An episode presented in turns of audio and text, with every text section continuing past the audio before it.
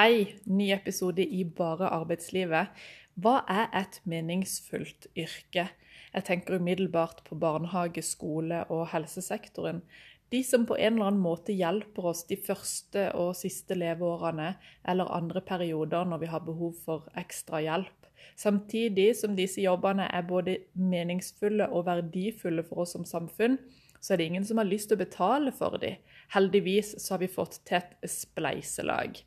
Det samme gjelder jo også de ideelle organisasjonene som jobber for bedre kår i verden. Gode organisasjoner kan være så utrolig verdifullt for mennesker som er involvert og blir berørt. Samtidig er det jo ikke sånn at de blir kasta penger etter. Mitt navn er Hege Helvik, og jeg skriver bok om arbeidslivet. Send meg en mail hvis du har erfaringer eller innspill på arbeidslivet.hotmail.com. I denne episoden vil jeg prate om det motsatte av meningsfulle jobber, nemlig meningsløse jobber. Har vi egentlig behov for bedriftsadvokater, eller ble bare bedriftsadvokat nummer to ansatt fordi noen andre valgte å ansette bedriftsadvokat nummer én? Mer om det i denne episoden. Jeg velger å tro at de fleste går på jobb for å gjøre en god jobb, men det fins likevel jobber der ute som samfunnet ikke ville savna i det hele tatt dersom de skulle forsvinne i morgen. Jeg vet om et yrke jeg ikke ville savna hvis det skulle forsvinne, nemlig telefonselgere. Og det på tross av at jeg en gang i tida prøvde meg som nettopp telefonselger. Faktisk så var det min første heltidsjobb. Etter noen måneder med uheldig forsøk på å finne meg jobb på Sørlandet, så hadde jeg endelig fått tilbud om jobb i Oslo. Og med meg så hadde jeg videregående, ett år på folkehøyskole og 19 års livserfaring. Det jeg husker aller best fra den jobben, det var ansiktet til hun som lærte meg opp, eh, med, sammen med de andre nyansatte. Det var en kort, tettpakka dame, og hun var sånn rød i kinnene. Ikke sånn rød som man blir når man har vært ute i naturen, men når man er skikkelig varm og stressa. Og I tillegg så hadde hun sånne små lilla merker på kinnene som minner litt sånn om strekkmerker. Jeg forventa nesten at hun skulle gå i bakken hvert øyeblikk der hun snakka i raskt tempo og pusta desto raskere. Og Hun var antageligvis dyktig i sin jobb. Hun hadde jo reist fra et annet kontor på Østlandet for å lære oss opp i den nye jobben. Dag én gikk fint. Eh, da hadde vi jo ikke begynt å ringe, men dag nummer to, da vi skulle begynne å selge gjennom telefonen, så ble jeg stadig mer fortvila. Og jeg så for meg de røde kinnene hennes og de lilla merkene og stressnivået som prega vår opplæringsansvarlig. Og 19-årige meg hadde absolutt ikke tenkt å bli som hun. Og ikke var det en særlig takknemlig jobb heller, viste, viste det seg raskt. Jeg fikk tidvis kjeft av de jeg ringte til. Etter utallige turer på toalettet, hvor jeg med tårer i øynene ikke visste helt hva jeg skulle gjøre, så ble jeg tatt med inn på møterommet av den nevnte dama, og vi ble enige om at jeg kunne dra på timen, noe jeg gjorde. Og dagen ble ikke noe bedre at det regnet når jeg kom ut på gata. Jeg husker jeg hadde med meg regnbuksa istedenfor regnjakka.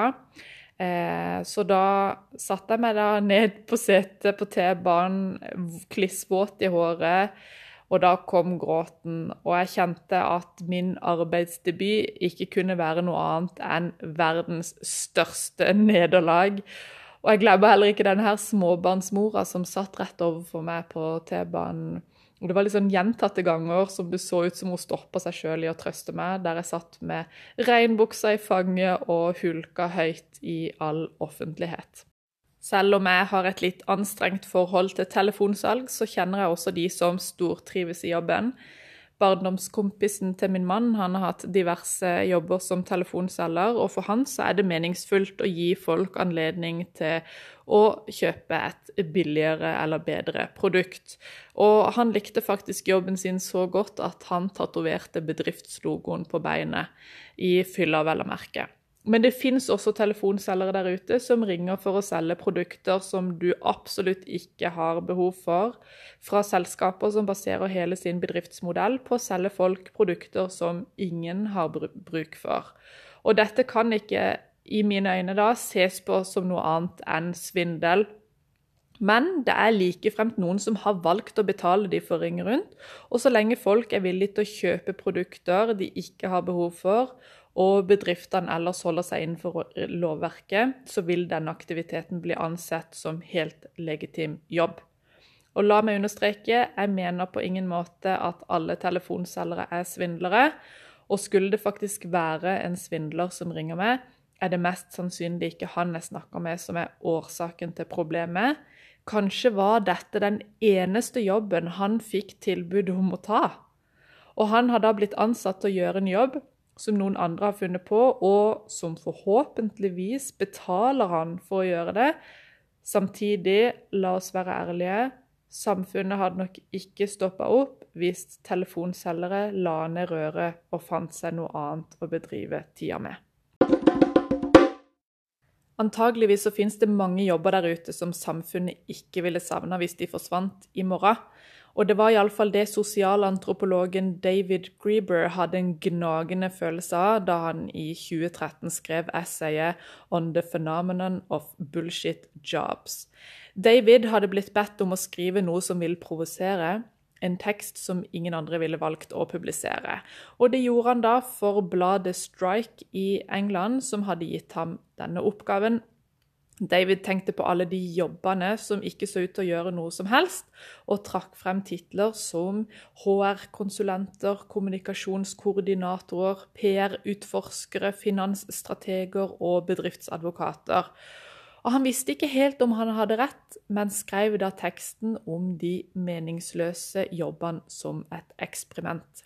Det viste seg raskt at han hadde truffet en nerve i folk, også utover Englands landegrenser. I løpet av noen uker hadde teksten, publisert august 2013, blitt oversatt til en rekke språk, bl.a. norsk, og nettsiden Strike hadde mer enn én million treff og krasja opptil flere ganger pga. mye trafikk. En mandag morgen i januar 2015 så blir sitater fra teksten til David hengt opp på vogner i undergrunnsbanen i London. Her kunne innbyggere bl.a. lese at det er som om noen var der ute for å skape meningsløse jobber for å få oss til å jobbe, og at store horder med mennesker bruker sine dager til å utføre oppgaver de i hemmelighet tror ikke egentlig trenger å bli utført. Denne hemmelige aksjonen som ingen har valgt å ta ære for, fikk YouGov til å spørre britene er jobben din et meningsfullt bidrag til verden. Hele 37% svarte nei. David har undersøkt utbredelsen og konkluderer i sin egen bok kalt 'Bullshit Jobs', utgitt i 2018. De meningsløse jobbene finnes overalt, ifølge David, noe som ansatte i de fleste typer sektorer kan bekrefte. Men det er særlig innenfor finans, forsikring og eiendom som David mener å finne mange som går på jobb og føler at jobben ikke gir noe verdi til verden. Og Det kan nesten virke som det er en sammenheng mellom hvor viktig jobben din er for samfunnet, og hvor høy lønn du får bare i motsatt retning. De som jobber i helse- og skolesektoren, har hva de fleste vil tenke på som meningsfulle jobber. Deres innsats betyr noe for andre mennesker, men lønnen er som regel ikke knallgod. Går du derimot til finanseiendom, så stiger jo lønningene betraktelig.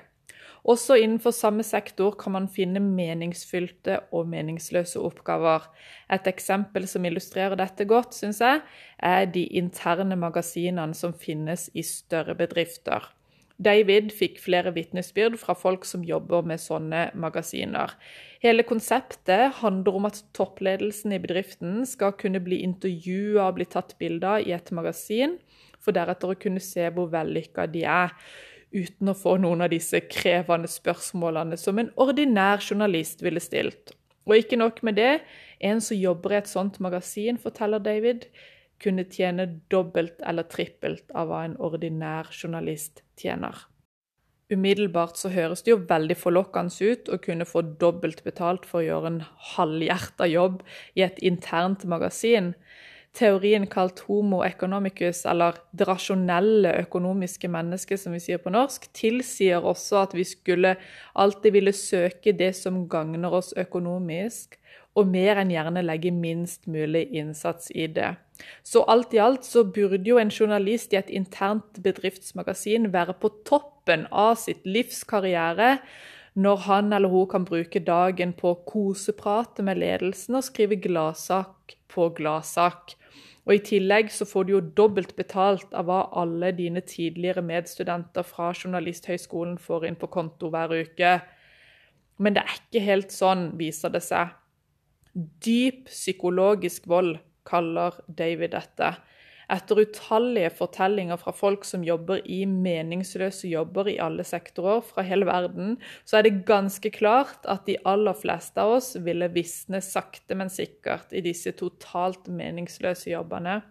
Du sitter på jobb hver dag, vet egentlig ikke helt hvorfor du er der, eller hvem som er dine samarbeidsparter. Og I tillegg så føler du at du mister ferdighetene dine. Du får ikke praktisert det du var utdanna til, eller det du var så innmari dyktig på i din forrige jobb. Og på toppen av det hele så må du late som om du jobber. Og David understreker at når du later som om du jobber, så blir du tvunget til å leve ut en løgn som ikke er din egen. Og etter hvert da så forstår du at hvis du forblir i jobben din, så har du ingen kompetanse eller ferdigheter å vise til når du søker en ny jobb for en eller annen gang så må vel folk oppdage at jobben din kan kuttes med et pennestrøk. Enten så kan du bli der du er og håpe på et mirakel, eller så kan du komme deg så raskt som mulig videre til en jobb som forhåpentligvis gir mer personlig utvikling og mening. Alle jobber er heldigvis ikke meningsløse. Samtidig så virker det som om de meningsløse oppgavene øker, på tross av automatisering og bedre teknologi, som jo skulle hjelpe oss til å bruke mindre tid på dokumentasjon og kjedelige oppgaver, så er det derimot det motsatte som skjer.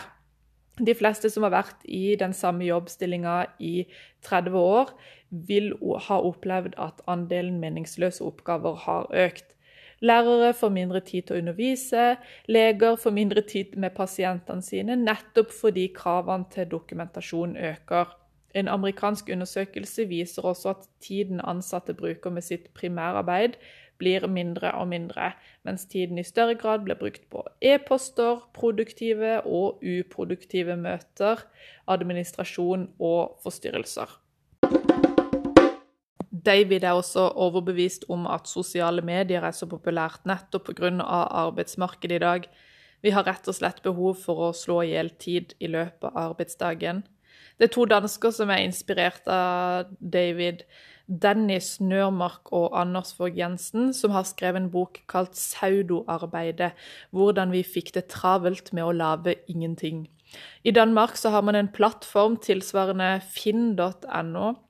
Og De har funnet ut at det er flest søk på denne plattformen på mandag morgen. Da sitter danskene på jobb og søker på brukte hagemøbler. David viser til flere kategorier med meningsløse jobber. De som er mest forbanna i sin jobb, er de som går under tittelen ducktapers. De har blitt ansatt for å rydde opp i andres inkompetanse.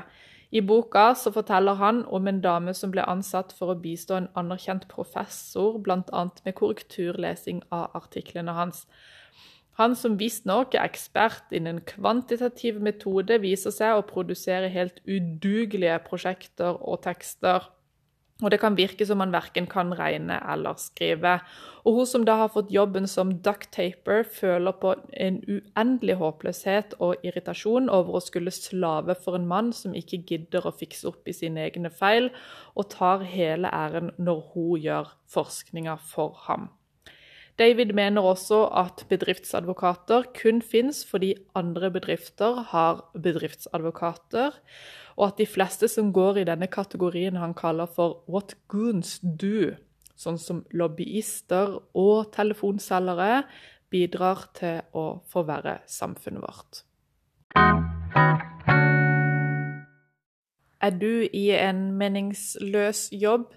David mener det er helt opp til oss sjøl å definere det, men hvis vi ikke klarer å forsvare vår egen stilling, så er det en god hunch. Og hvordan ble det egentlig sånn at vi har skapt et arbeidssamfunn full av meningsløse jobber? David har en teori på det også, men det får vi ta en annen gang.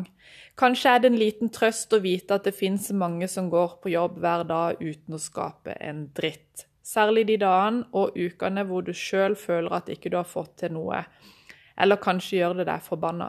Jeg tenker iallfall at det arbeidssystemet vi er en del av, ikke er særlig bærekraftig for folk. Dyp psykologisk vold, som David sier. Og vi burde jo gjøre noe med det. Jeg har foreløpig ingen løsning. Jeg vet at folk aller helst vil hoppe rett til løsninga. Men jeg har iallfall et behov for å peke på problemene, og det er jo her vi må starte. Snedig at du ville høre denne episoden av Bare arbeidslivet. I neste episode så har jeg lyst til å snakke om sammenhengen mellom hvor du er i jobbhierarkiet og forventa levealder og helsesituasjon. Er det egentlig sånn at det er større sjanse for å få hjerteinfarkt som toppleder? Hei så lenge.